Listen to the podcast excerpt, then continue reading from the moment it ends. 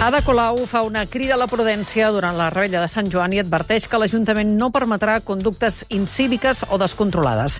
A la Barceloneta, on els veïns fa setmanes que es queixen de les molèsties que els provoca la gent que va de nit a les platges, es reforçaran els controls i només es permetrà l'accés al barri pels dos extrems.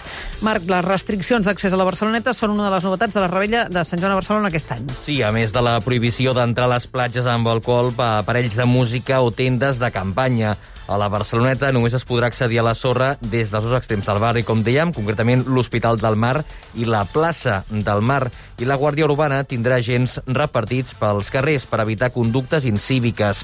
De fet, la Guàrdia Urbana tindrà 150 efectius al front litoral durant tota la nit i 120 més per fer fora de les platges els que encara hi siguin a partir de les 6 del matí, que és quan hi entraran els equips de neteja. L'alcaldessa Colau resumia així el plantejament que fa l'Ajuntament de Barcelona de la nit de Sant Joan. Una cosa és celebrar la rebella i una altra cosa és el descontrol i no permetrem el descontrol. Les platges estaran obertes, però hi haurà un control fort, en presència forta de, de Guàrdia Urbana, per evitar doncs, el consum d'alcohol, els equips de música, eh, tendes de campanya o altres, diguem-ne, utensilis no? que, que puguin fomentar un, un ús excessiu o un mal ús de la platja.